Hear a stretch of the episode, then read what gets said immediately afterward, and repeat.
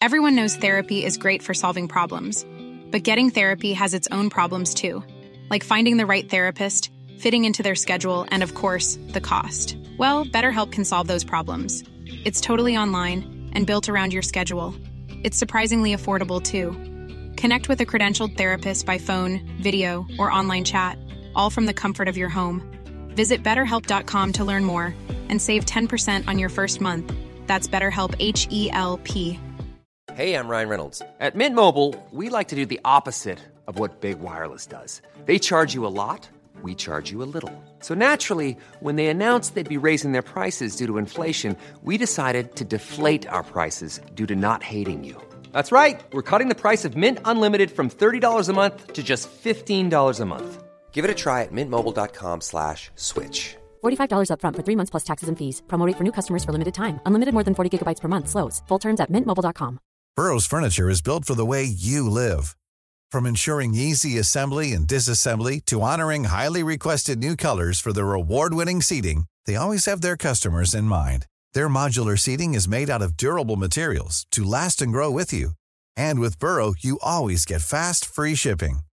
Get up to 60% off during Burrow's Memorial Day sale at burrow.com slash ACAST. That's burrow.com slash ACAST. burrow.com slash ACAST.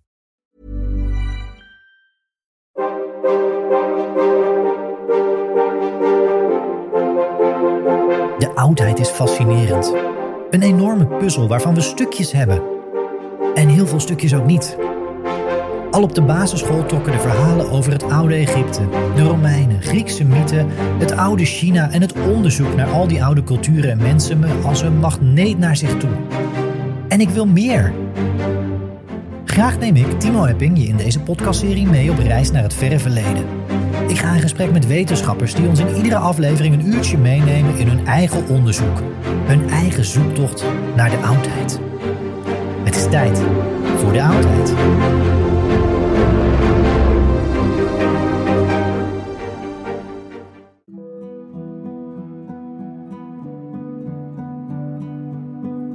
In deze aflevering spreek ik met professor Dr. Jurgen Zangenberg van de Universiteit Leiden. Jurgen is hoogleraar antiek Jodendom en vroeg christendom. Zijn onderzoek richt zich op de plaats van vroeg-Joodse en vroeg-christelijke samenlevingen binnen de Romeinse context. De afgelopen jaren heeft hij zich in het bijzonder verdiept in antiek Galilea, Jeruzalem en het Dode Zeegebied, en dan met name in Qumran. Hij schreef een indrukwekkende lijst met publicaties en was en is ook als editor bij diverse interessante bundels betrokken. Jurgen, fijn dat je ons meeneemt naar de oudheid. Waar neem je ons vandaag mee naartoe? Ja, we gaan vandaag naar een heel bijzondere stad. Um, een heel oude stad, een heel diverse stad. En nog steeds heel erg omstreden stad. En dat is Jeruzalem. En we kijken bijzonder naar ook weer een heel erg interessante, dynamieke, creatieve periode. En dat is de tijd van Herodes de Grote, toen Jeruzalem deel was van het Romeinse Rijk. Jeruzalem. Meer in het bijzonder Jeruzalem als onderdeel van het Romeinse Rijk onder Herodes de Grote. Daarover straks veel meer. Maar eerst, Jurgen, hoe heeft Jeruzalem, en dan speciaal ook de stad in de periode waar we het nu over gaan hebben, hoe heeft dat ooit jouw interesse gewekt? Oh, dat is een lang verhaal. Het gaat uh, heel ver terug, eigenlijk in mijn eigen leven. Dus ik was altijd geïnteresseerd aan de uh, culturele achtergrond van het vroege christendom. En ik had in 1985, dat is heel lang geleden, um, de gelegenheid om met een reisgroep voor de eerste keer naar Jeruzalem te gaan. Dat was een kerkelijke reisgroep natuurlijk ook met een ja, bijzonder soort van doel om Jeruzalem als een christelijke stad van het christelijke geloof ook um, bekend te maken en mensen in contact daarmee te krijgen. Um, en die stad had mij daarna nooit meer gewoon uit de greep gelaten, als je dat zo mag zeggen. Um, ik was heel erg gefascineerd. Op een, op misschien op een andere manier dan gewoon als je op een pelgrimsreis gaat. Dus ik had niet die grote religieuze gevoelen dat dit een heel bijzonder soort van, dat me dat dicht bij God brengt of zoiets. Maar ik vond de stad ontzettend chaotisch. Um, heel veel geluid, heel veel uh, verschillende ja, talen ook, indrukken. 1985 was natuurlijk ook een andere historische situatie dan nu. Maar ik was ontzettend onder de indruk van die verschillende culturen die er gewoon aanwezig zijn. Um, Joods, islamitisch, christelijk, modern. Er zijn eigenlijk verschillende steden die een soort van stad vormen, die eigenlijk nooit een eenheid is geworden. Dus er zijn verschillende tendenties die tegen elkaar werken, die met elkaar moeten leven. Um, ontzettend dynamiek, maar ook heel erg vreemd. In, in die zin, nou ja, dus ik mocht dan na die reis, mocht ik dan weer terug naar huis. Uh, en dat is een andere wereld. Um, maar ik ben sindsdien eigenlijk, ja, misschien twintig keer in de tussentijd in Jeruzalem geweest. De laatste keer was in, in augustus dit jaar. Toen ik met studenten in Galilea was um, opgave, daar hadden wij een, lang weekend. En dan zijn we dan met een minibusje, uh, inclusief uh, vier Leidse studenten, drie Leidse studenten, mijn dochter daarbij, um, naar Jeruzalem gegaan om de oude stad te exploreren, gewoon naar sommige musea te gaan en dan um, ja ook dan weer een nieuwe generatie mensen in contact te brengen met die ontzettend ja, fantastische, vreselijke ja, stad. Dus nou ja. En waarom die periode, Herodes de Grote? Nou ja, dat heeft natuurlijk ook iets te maken met de diversiteit van die periode. En het is misschien ook een stukje een soort van spiegel van wat er nu loopt. Um, kijk, dat was de tijd toen de hele nabije Oosten onder Romeins politiek invloed kwam, maar ook cultureel. Um, Griekse invloed die was al voelbaar, maar die werd nog veel sterker doordat de Romeinen dat gebied hadden veroverd en onder controle gebracht. En daarvoor staat een beetje Herodes, um, de koning van Augustus genade, um, die um, had moeten zorgen voor zijn Joodse, voor zijn niet-Joodse inwoners uh, in ja, dit eigenlijk redelijk klein gebiedje, Judea. Maar hij speelt een heel belangrijke rol. Uh, daar kunnen we later misschien nog over praten. Ook door de relatie, de heel bijzondere relatie tussen hem en Augustus zelf.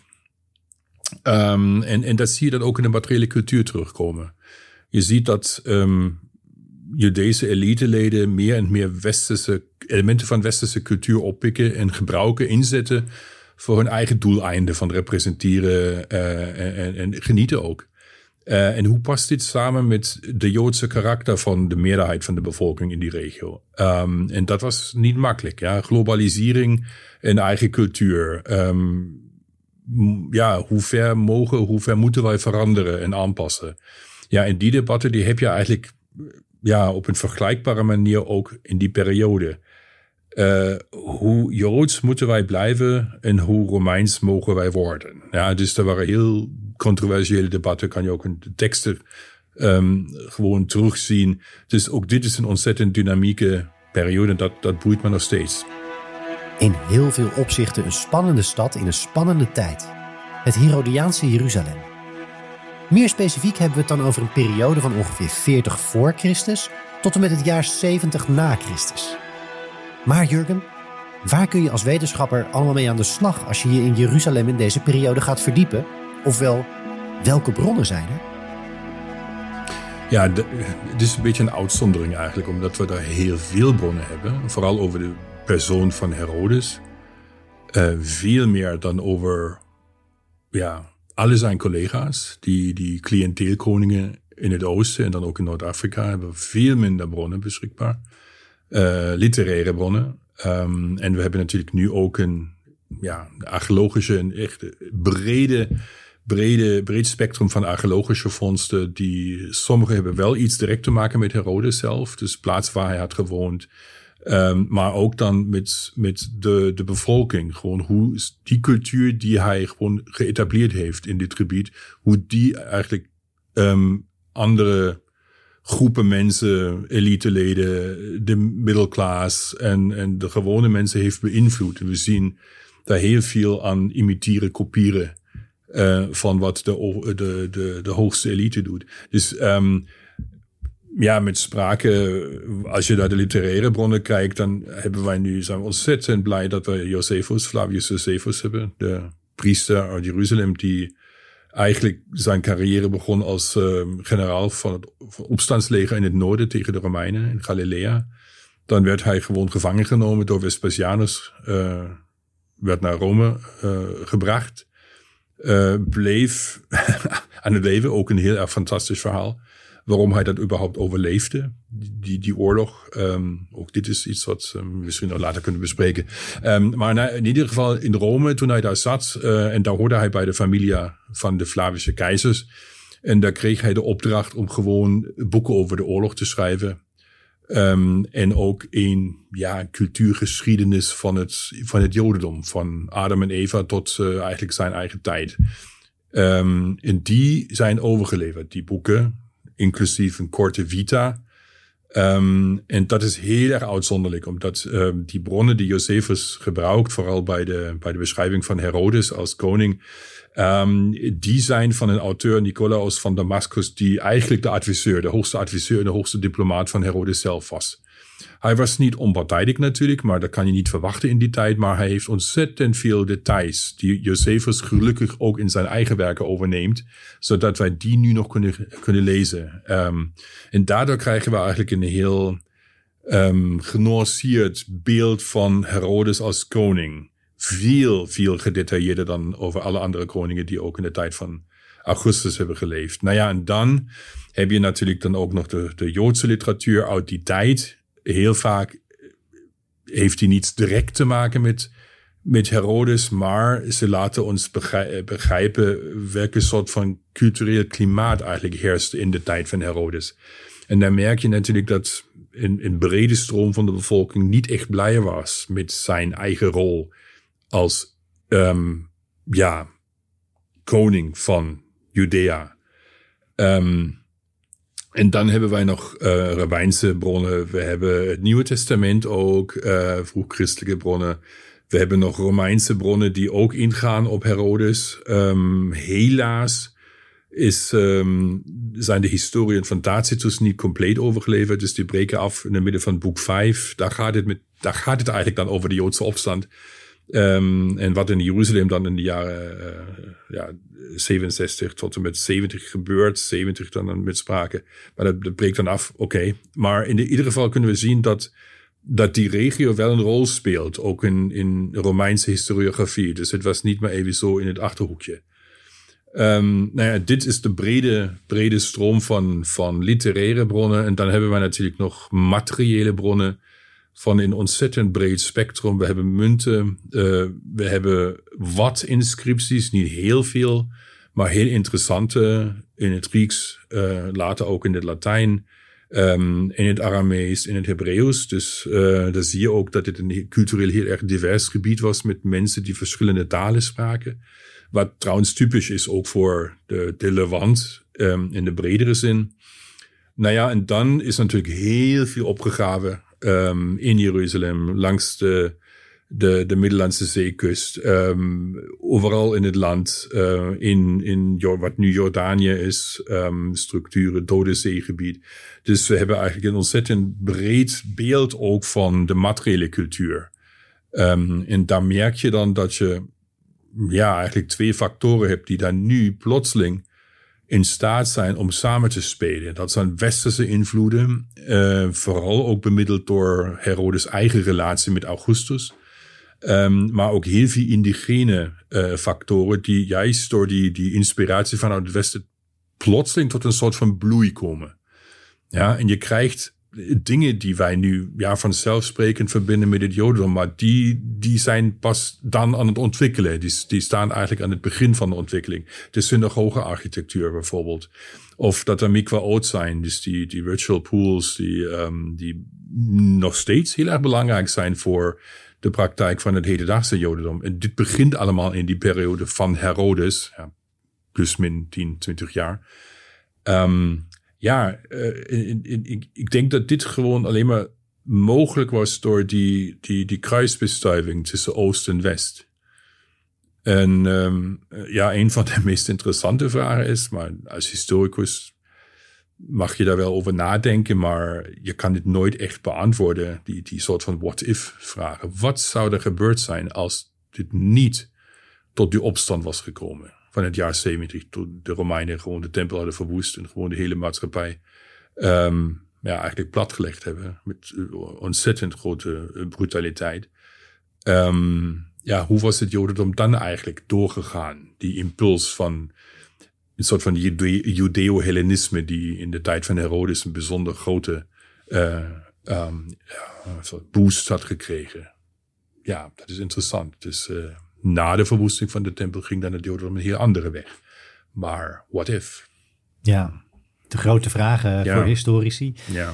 Interessant, uh, maar ook een vraag waar inderdaad heel veel mensen de vingers niet aan willen branden. Uh, hmm. Ja, als een soort van verbod op de what-if vraag. Ja, maar, ja, maar het doet geen schade om daar gewoon in je eigen kamertje gewoon erover na te denken bij een glasje wijn. Maar je hoeft er niets over te schrijven. Maar nou ja, maar mag, misschien mag je het ook doen. Maar uh, nadenken is eigenlijk altijd heel erg vruchtbaar, ook over die what-if vragen. Omdat je dan ook over moet nadenken, nou wat zijn eigenlijk die factoren die bij hebben gedragen. Totdat het zo komt als het is gekomen. Ja? En wat had, wat had anders kunnen um, uitpakken? Ja, uh, ik denk dat er nooit echt een soort van determinisme in de, in de geschiedenis bestaat. En daarom ja, mag je als een soort van um, ja, hersenoefening gerust er ook over nadenken, denk ik. Duidelijk. Voor het vervolg is het nu van belang om duidelijke kaders te stellen. Jurgen had het al kort over Herodes als koning van Judea. Maar waar hebben we het dan precies over als het over Judea in deze periode gaat?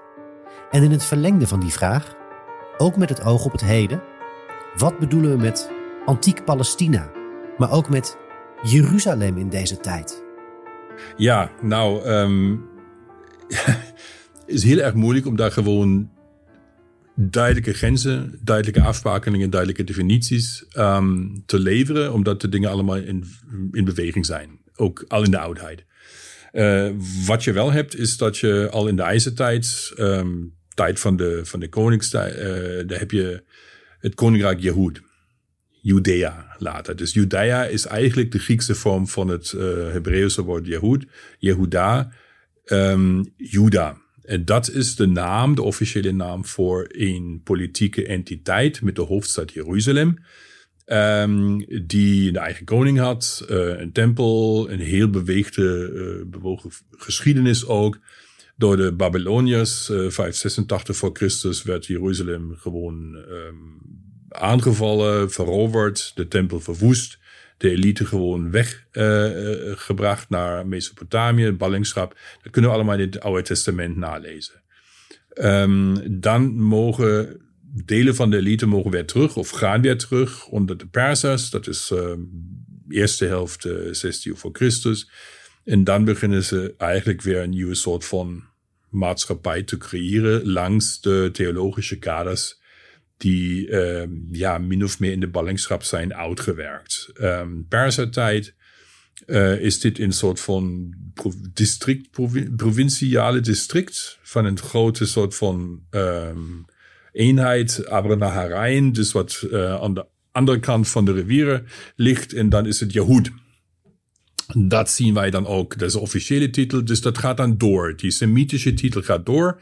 Die wordt dan later ook door uh, Griekse auteurs overgenomen, Judaia.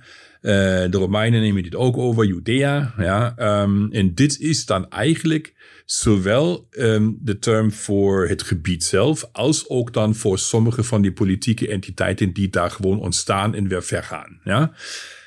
Um, dan heb je de andere naam, die natuurlijk ook nog hedendaags een heel grote rol speelt, uh, Palestina. Dat is ook weer een Griekse naam, eigenlijk dan later ook Latijns. Um, dit gaat terug op een andere uh, groep bevolking, de Filistijnen. Die zelf weer een eigen soort van geschiedenis hebben, die vooral archeologisch historisch gevestigd zijn langs de kust um, hebben eigenlijk hun eigen goden niets te maken met de Judese god. Daarom heb je dan van het begin al eigenlijk een soort van concurrentiesituatie. Um, en die werd dan eigenlijk politiek bepalend onder Hadrianus. Die heel bewust na de tweede Joodse opstand, die van Bar Kochba 132 tot 136, bewust eh, is weggegaan van de oude officiële titel uh, Judea en heeft dan dit gebied genoemd uh, Syria-Palestina.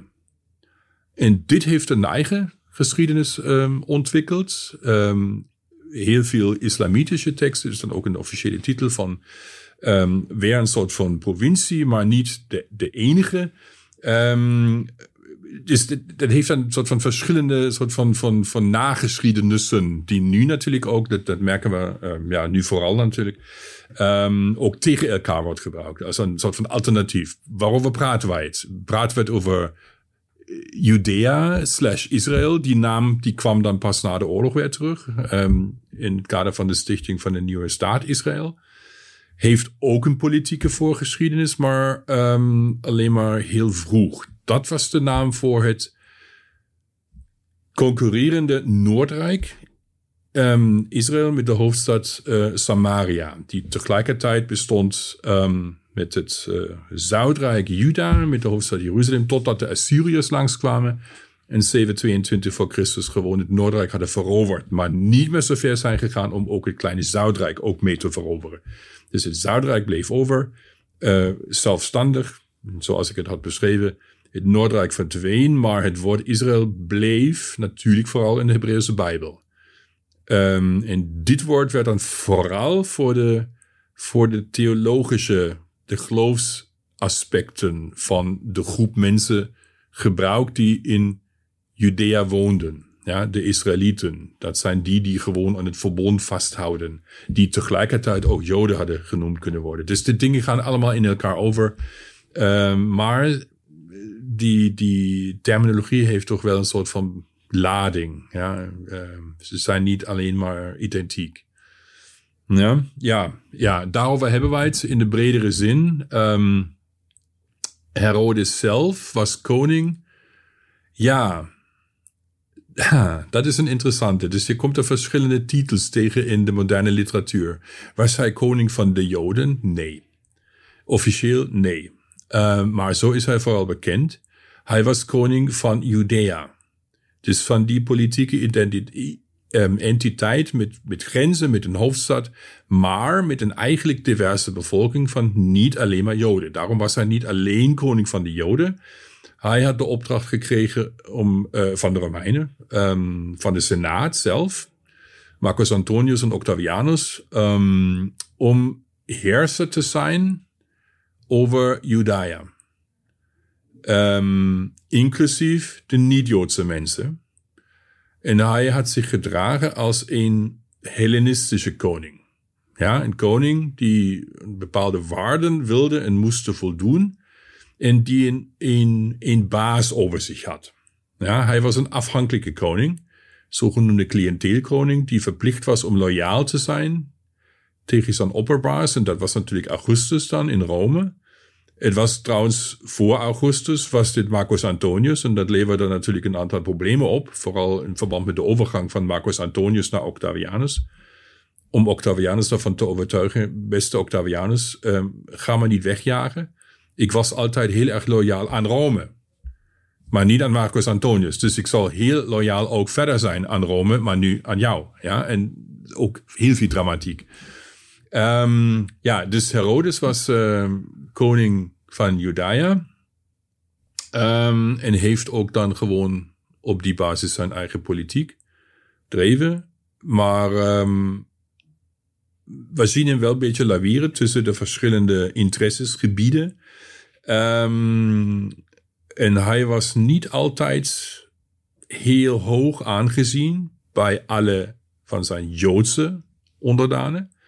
Er waren natuurlijk wel mensen die, die Herodes een goede koning vonden. Um, er waren zeker ook andere mensen, en die kunnen we ook in de literatuur af en toe pakken, die heel erg kritisch ingesteld waren tegen vooral Herodes, maar ook zijn voorouders, um, de Hasmoneërs. Daar is ook nog een twist bij, omdat hij zelf natuurlijk niet uit de koningsfamilie van de Hasmoneërs stamde. En vooral helemaal niets te maken had met uh, de lijn van David. Ja, die eigenlijk de ideale soort van pedigree was om, om je uh, ja, met legitimatie koning te mogen noemen. Ja, het huis van David, Hebreeuwse Bijbel ziet het altijd. Dit is alleen maar de legitieme koning, maar daar had Herodes ja, qua familierelaties indirect alleen maar iets te maken. Dan ook heel erg, ja, dus heel dun ijs. Um, maar um, hij had zich wel Basileus genoemd. Griekse woord voor koning. Uh, en hij was voor de Romeinen, was hij uh, amicus et socius populi Romani. Hij was een vriend en een bondgenoot van het Romeinse volk. Dat was een titel die al zijn voorgangers hadden. Um, en daardoor hadden zij uh, een heel duidelijke verplichting om loyaal aan Rome te zijn. Maar als je dat had kunnen laten zien, en daar deed hij zijn best in, dan mocht je eigenlijk alles doen wat je wilde naar, naar binnen. Hij had eigenlijk vrije hand. En dat had hij eigenlijk ook heel goed ingezet voor zijn interesses en uh, ja, ook eigenlijk voor de interesses van zijn, van zijn onderdanen, als we dit bekijken uh, binnen het kader van een Hellenistische monarchie. Het grote probleem is natuurlijk dat wij hem moeilijk kunnen vergelijken met anderen, omdat wij niet die soort van brede bronnen documentatie hebben, um, zoals we die hebben in verband met Herodes, zodat we hem niet heel goed kunnen vergelijken met anderen, hoe die zich hebben gedragen. Um, Ptolemeus krijgen we een beetje inzicht. Juba van Mauritanië, een heel goede vriend ook van Augustus en ook trouwens van, van Herodes zelf. Um, ook een ontzettend interessante figuur, maar daar hebben we alleen maar heel, heel soort van dunne um, bronnenbasis. Dus in die zin steekt Herodes een beetje uit, maar dat heeft vooral iets te maken met de, de buitengewoon goede bronnensituatie. Dankzij Josephus.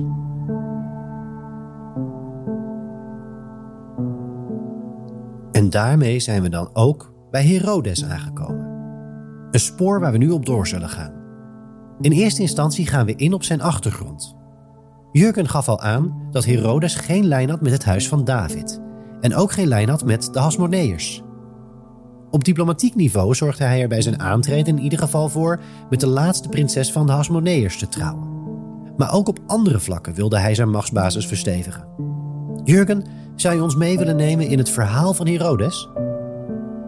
Zijn eigenlijke, zijn, zijn achtergrond was, um, zijn moeder was um, Kypros, een Arabier. Een vrouw die meer relaties had met het koningshuis van de Nabateërs dan met het koningshuis van de Judeërs. Um, zijn vader Antipatros was ja, een van die big men van het uh, late Hasmonese koningshuis. Een soort van warlord die gewoon de zouden ook onder controle had. Uh, in dienst was zoals bij de koningen. Uh, in dienst zijn eigen, in, in delen ook zijn eigen ding deed. Um, en hij was eigenlijk, de relaties van hem, de, de verbinding regionaal was meer richting Ashkelon, de zuid, uh, zuidelijke kust van, van um, Judea. En hier zie je vooral een um, soort van culturele um, beeld. De vraag is wel of hij Jood was. Zijn moeder was ja, geen, had geen Joodse uh, achtergrond. Zijn vader was misschien besneden. Um, maar welke soort van jodendom hij praktiseerde, dat is natuurlijk dan eigenlijk bijna een anachronistische vraag, omdat wij natuurlijk niet onze soort van criteria's mogen toepassen op wat Joods in die periode betekent. We weten dat het gebied zelf, Zuid-Palestina, West-Zuidwestelijke Palestina, dus het oorspronkelijk Venetisch gebied, dat was um, ja, dwangsgeconverteerd paar decennia voor de geboorte van, van Herodes zelf. Wat dit precies betekent, moesten nu alle mannen zich laten besnijden? Of betekent dit dat ze formeel soort van, ja,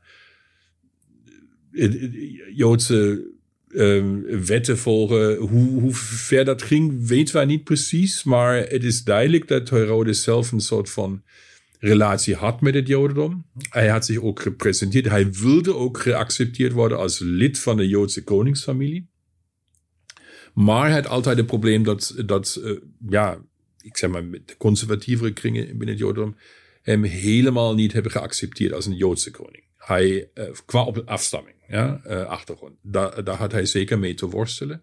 Nou, het koningshuis zelf, de zogenoemde Hasmoneërs, die gingen niet direct terug naar David. Die hadden ook aan het begin van hun eigen dynastie heel grote problemen om geaccepteerd te worden. Zij gaan eigenlijk terug um, op uh, de jaren 160 voor Christus, toen er een opstand was van priesters. Um, binnen de priesterschap in Jeruzalem tussen twee verschillende fracties. Eén fractie was heel erg pro-Hellenistisch en loyaal aan de koning van Syrië, de, de, de Seleuciden, die formeel de macht uitoefenden over uh, Judea. En ook ingrepen in de interne aangelegenheden van de Joodse religie. Ik zeg maar op die manier. Uh, en sommige van de, de leidende priesters in Jeruzalem, die de cult hebben gerund, die waren pro-Seleucidisch en andere, vooral in het platteland, die misschien niet direct bij de aristocratie hoorden, die waren daar tegen. Dus je hebt nu al die, die split tussen eerder Hellenistisch, pro-Helleniserende. Ik noem die maar niet even Hellenistisch, omdat het een soort van alternatief opzet. Uh, je bent of het ene of het andere. Nee, het ging over een, een, een, een soort van, van intensiteit waarschijnlijk. Hoe ver wil je gaan Helleniseren? Wat ben je bereid om toe te staan? Uh, en wat ben je bereid aan je eigen religie te veranderen, aan te passen? En er waren zeker brede debatten. En die, die split die ging ook door de priesterschap doorheen. Oké, dus uiteindelijk um, begon die, die zeg maar, theologisch uh, priesterlijke um, um, strijd uit te groeien naar een echte burgeroorlog, militaire consequenties te hebben. En die, die, die landpriesters die um, sloegen erin om gewoon de controle over Jeruzalem te overnemen. En de Seleuciden, na een lange oorlog ook, uh, een aantal decennia lang, uit het land te gooien. Um, en die hebben zich later ook koning genoemd. Aan het begin priesters en dan hebben ze de titel Basileus, koning, overgenomen. Dat zie je ook op de munten terugkomen. Um, en die heten Hasmoneers omdat hun voorouder um, de familienaam uh, Gashmon had. Bene Gashmon. Dat waren de zonen, de nakomelingen van die Gashmon. Uh, en daarom zijn dit de Hasmoneers. Um, eigenlijk heb je daar geen Davidische relatie. Dus eh, die hebben niets te maken met het koningshuis van David. Eigenlijk qua type leiders hebben ze meer iets te maken met wat wij in het boek Rechteren kunnen lezen. Namelijk een soort van charismatische, door de oorlog, door successen en op het slagveld gelegitimeerde heersers. Die zich dan later de titel Basileus hebben uh, gegund.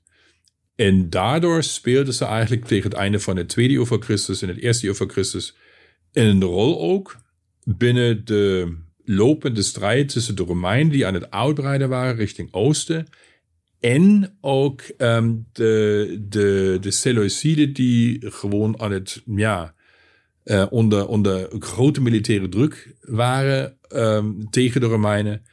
Nou ja, en ja, de, de vijand van mijn vijand is mijn vriend. Dus de Hasmoneërs zochten eigenlijk de steun um, en de attentie van de Romeinen, omdat de Romeinen door hun oorlog tegen de Seleuciden daaraan bijdroegen om de toenmalige overheren van dit land in de gaten te houden en daar verder weg te duwen. Ja, en daarom waren ze eigenlijk um, de ja, voor de hand liggende bondgenoten. En um, daar, was al, er was ook al in de tweede eeuw een soort van diplomatieke uh, relatie tussen de Senaat van Rome uh, en de Hasmoneers. Um, en daarop konden de Romeinen dat in de loop van de tijd opbouwen. Uh, en daaruit concluderen, nou ja, jullie zijn nu eigenlijk al deel van onze invloedgebied. En jullie moeten dan eigenlijk ook een beetje naar ons luisteren, ja, politiek. En wij hebben ook het recht om in te grijpen als de dingen niet zo goed lopen. Nou, de dingen liepen niet zo heel goed in de loop van de eerste eeuw, omdat er ook wat interne uh, ruzie was binnen het koningshuis. Uh, en Pompeius, de grote, die kwam dan 65 voor Christus, denk ik, uh, met het opdracht van de Senaat naar het oosten om gewoon de dingen daar te regelen en de resten van het, van het uh, Seleuciderijk op te vegen en gewoon tot provincie aan te maken. En daar, daar hoorde Syrië ook bij en daar was Judea een soort van kleine appendix. Um, en Pompeius die greep dan direct in in die ruzie in het koningshuis. Um, um, nou ja, maar nu was, nu was eigenlijk de, de, de, de presentie van de Romeinen heel erg direct. en uh, Herodes, de familie van Herodes, die speelde daar ook een rol als ja, een soort van iemand die, die, die Antipatros, uh, hij, was, hij was gewoon heel sterk in het Zuidwesten. Um, en Herodes had ook broers, um, en Veroas. En het lijkt een beetje op alsof die, die, die Antipatros gewoon zich ook in, in het licht wilde zetten als een potentiële bondgenoot van de Romeinen. En, en dat lukte dan ook. Um, en er was dan, uiteindelijk was een burgeroorlog. Um, de koning uh, Antigonus, Matthias Antigonus, de laatste asmoneer, die probeerde gewoon de, de, de, de Herodianen een beetje onder controle te houden door hun jobs te geven. Maar die deden ze dan zo dat, dat dan eigenlijk de Herodianen altijd sterker eruit kwamen. Qua een burgeroorlog. Uh, in 40 voor Christus uh, had, was Herodes in staat om, om Jeruzalem in te nemen. Er waren nog de Parther, die, die vielen het land binnen. Hebben er ook aan bijgedragen dat de dingen allemaal ja, door elkaar gegooid werden. Um, en Herodes vroeg dan ook officieel de Romeinen om steun. En dat deden ze. Ze stuurden ook een leger. Gaius Socius, uh, de gouverneur van Syrië, die greep dan direct in. Um, die heeft soldaten gestuurd en met de hulp van die soldaten, um, allemaal ja, Romeinse soldaten, dus gewoon heidenen in die zin, won uh, Herodes en kon Jeruzalem innemen. Uh, en Antigonus, Matthias Antigonus, dus de, een familielid van Mariamme, de latere vrouw van Herodes, um, die werd dan gewoon gevangen genomen en later geëxecuteerd. Ja, en daarmee was eigenlijk de Hasmoneese bloedlijn um, afgesneden. Behalve dat er nu de prinsessen Mariamma nog bij was. En die trouwde met die trouwde dan Herodes. Die al getrouwd was, maar echtscheiding, die dingen die kon je eigenlijk uh, heel goed regelen. Heel soepel. Als je man was en bij de elite hoorde. Um, om dan ook door lid te worden van de oude familie van koningen. Gewoon de legitimiteit te krijgen dat hij nu ook bij die familie hoort. Dat was niet heel erg succesvol bij alle Joodse um, inwoners. Uh, de fictie was wel, die was ook bij de Hasmoneers, dat de Hasmoneers in de lijn van de beloftes aan David liggen. Hoewel ze niet direct gerelateerd zijn aan de familie. Het probleem met de familie van David, om dan even terug te koppelen, de, de koningslijn van de Davididen, die eindigt eigenlijk met, het, uh, met de, uh, de, de Babylonische ballingschap de laatste koning die verdwijnt dan ergens in, in de ballingschap in Babylonië. En er was geen nieuwe koning meer. En dat was een groot probleem. Um, toen de Judeërs terugkwamen naar het land, krijgen we geen um, nieuw koningschap. Een soort van nieuw koningshuis. Daar was geen koning meer. Er was ook geen nieuwe koning. Die zei nou, uh, laat maar zo doen alsof. Dat werkt niet. Wat we nu krijgen is een priestertheocratie. Ja, dus een collegium van priesters was verantwoordelijk voor de cult, maar tegelijkertijd was dit de aristocratie van dit nieuwe soort van klein gebiedje Jehoed. Uh, dus ze waren seculiere en religieuze leiders tegelijkertijd, zouden we misschien nu kunnen zeggen. Uh, en dat bleef ook eeuwenlang, totdat de Hasmoneers gewoon de Seleuciden hadden verdreven en dan de titel Basileus hebben aangenomen. Maar dat duurde dan 300 jaar. Ja, dus er was geen directe lijn. Maar de fictie was wel dat het koninkdom van David eeuwig is. Dat zie je in latere teksten van het Oude Testament.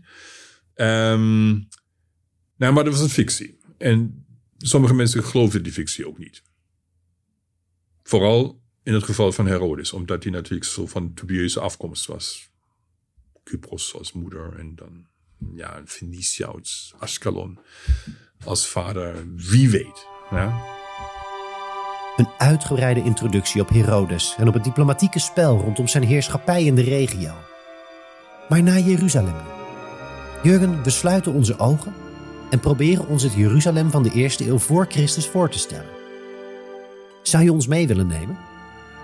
Ja, nou, het was in de tijd van Herodes, of misschien dan na de dood van Herodes, nadat hij al die bouwprojecten had kunnen ja, beginnen, sommige daarvan had uh, kunnen afsluiten, was dit een prachtige, ontzettend unieke Oosterse Hellenistische stad met een heel lang verleden. En dat verleden, dat had je terug kunnen zien. Vooral in de vorm van de tempel, die het grootste heiligdom was van de toenmalige wereld. Um, daar schrijven ook Romeinse, Tacitus schrijft er ook over, over pracht en praal van de stad. Um, dus dat viel wel op. Um, het was misschien niet de grootste, zeker niet de grootste stad. Er waren veel grotere steden, Alexandrië, Antiochië. Um, Jeruzalem was ook niet zo razend gunstig gelegen. Dat heeft te maken met de, de vroegere geschiedenis. Daar kan ik dan misschien nog even op ingaan.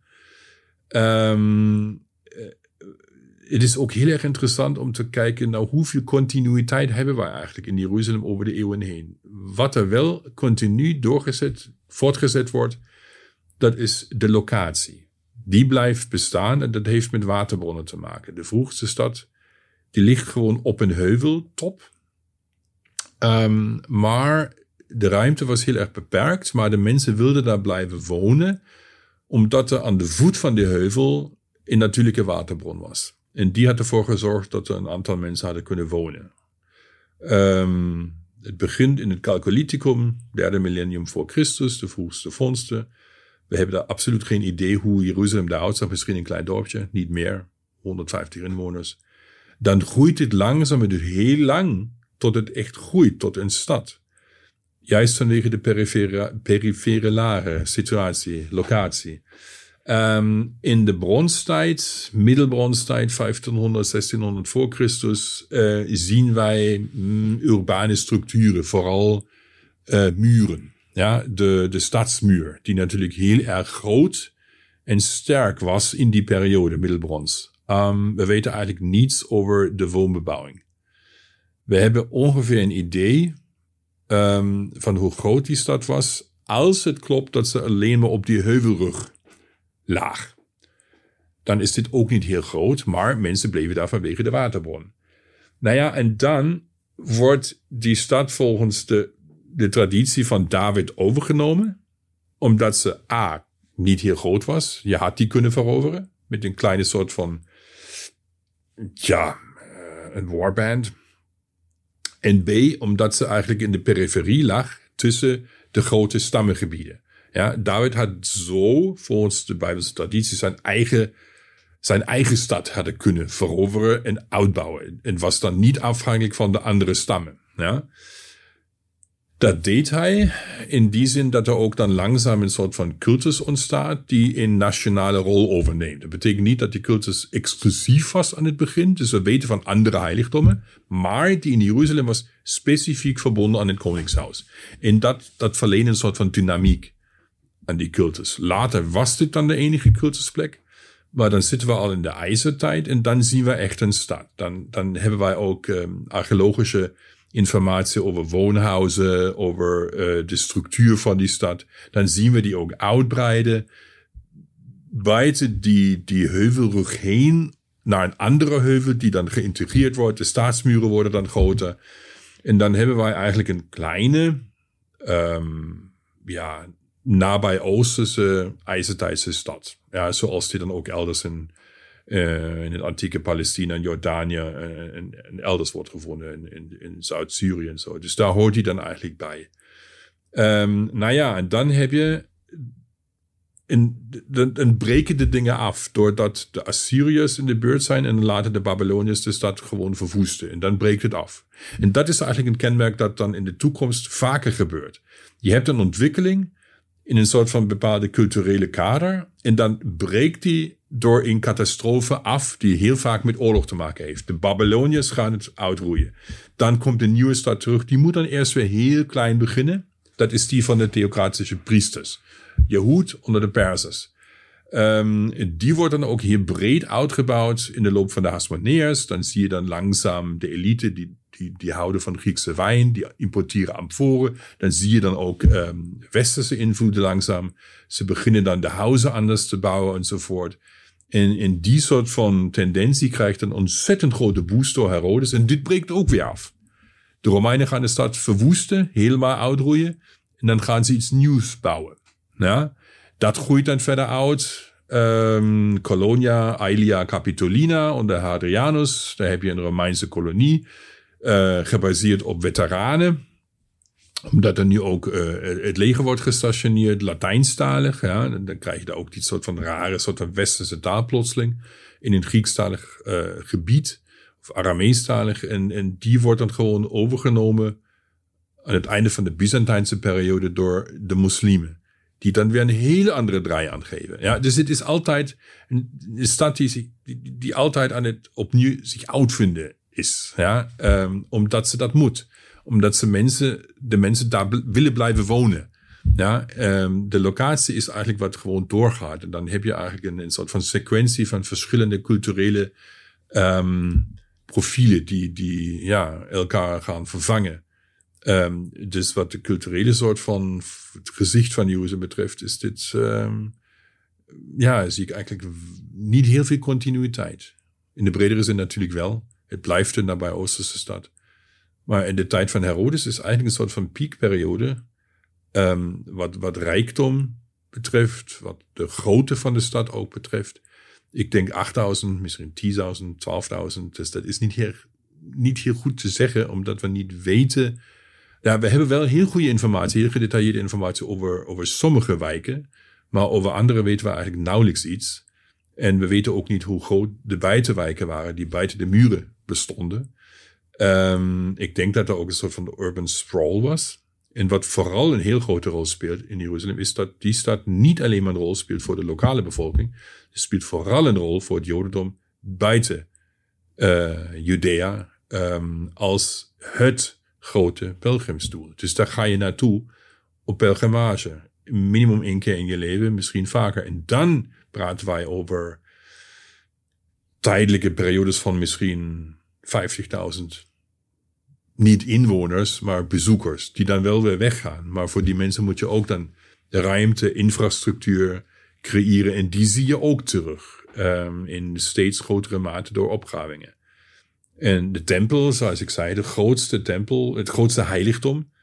Tempel misschien niet, maar het grootste heiligdom van de hele antieke wereld in die tijd. Met een reusachtige platform en daarbovenop staat dan de tempel met de altaar. En dit was het doel voor tienduizenden van Joden die gewoon daar één keer in hun, leven daar naartoe wilden gaan, om daar gewoon met anderen samen familieleden, gewoon heel erg uh, mensen van Joodse geloof van een heel andere regio, de grote pelgrimsfeesten wilden vieren. Ja, um, en, en, dat zie je ook in de stad nu, in de archeologische en archaeological record terug.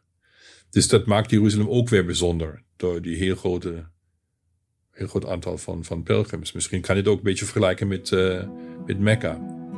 Nou. Dit was voor nu het eerste deel van deze dubbele aflevering over Jeruzalem en koning Herodes. In het tweede deel gaan we verder met het bouwprogramma van Herodes. Kijken we specifiek naar de verbouwing van de Tweede Tempel en filosoferen we op de theorie of Herodes de Messias was. Binnenkort dus nog veel meer met professor Dr. Jurgen Zangenberg.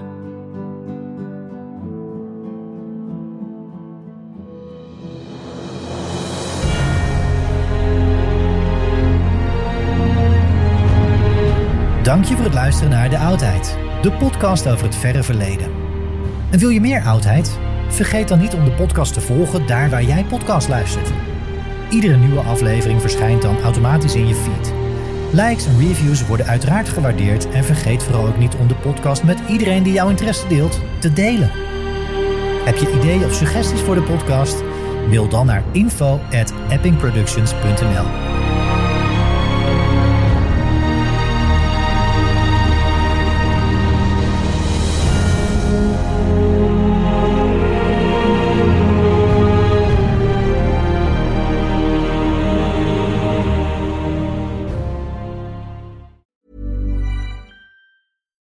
deserves the best, and there's no better place to shop for Mother's Day than Whole Foods Market. They're your destination for unbeatable savings, from premium gifts to show-stopping flowers and irresistible desserts. Start by saving 33% with Prime on all body care and candles. Then get a 15-stem bunch of tulips for just $9.99 each with Prime. Round out Mom's menu with festive rosé, irresistible berry chantilly cake, and more special treats. Come celebrate Mother's Day at Whole Foods Market.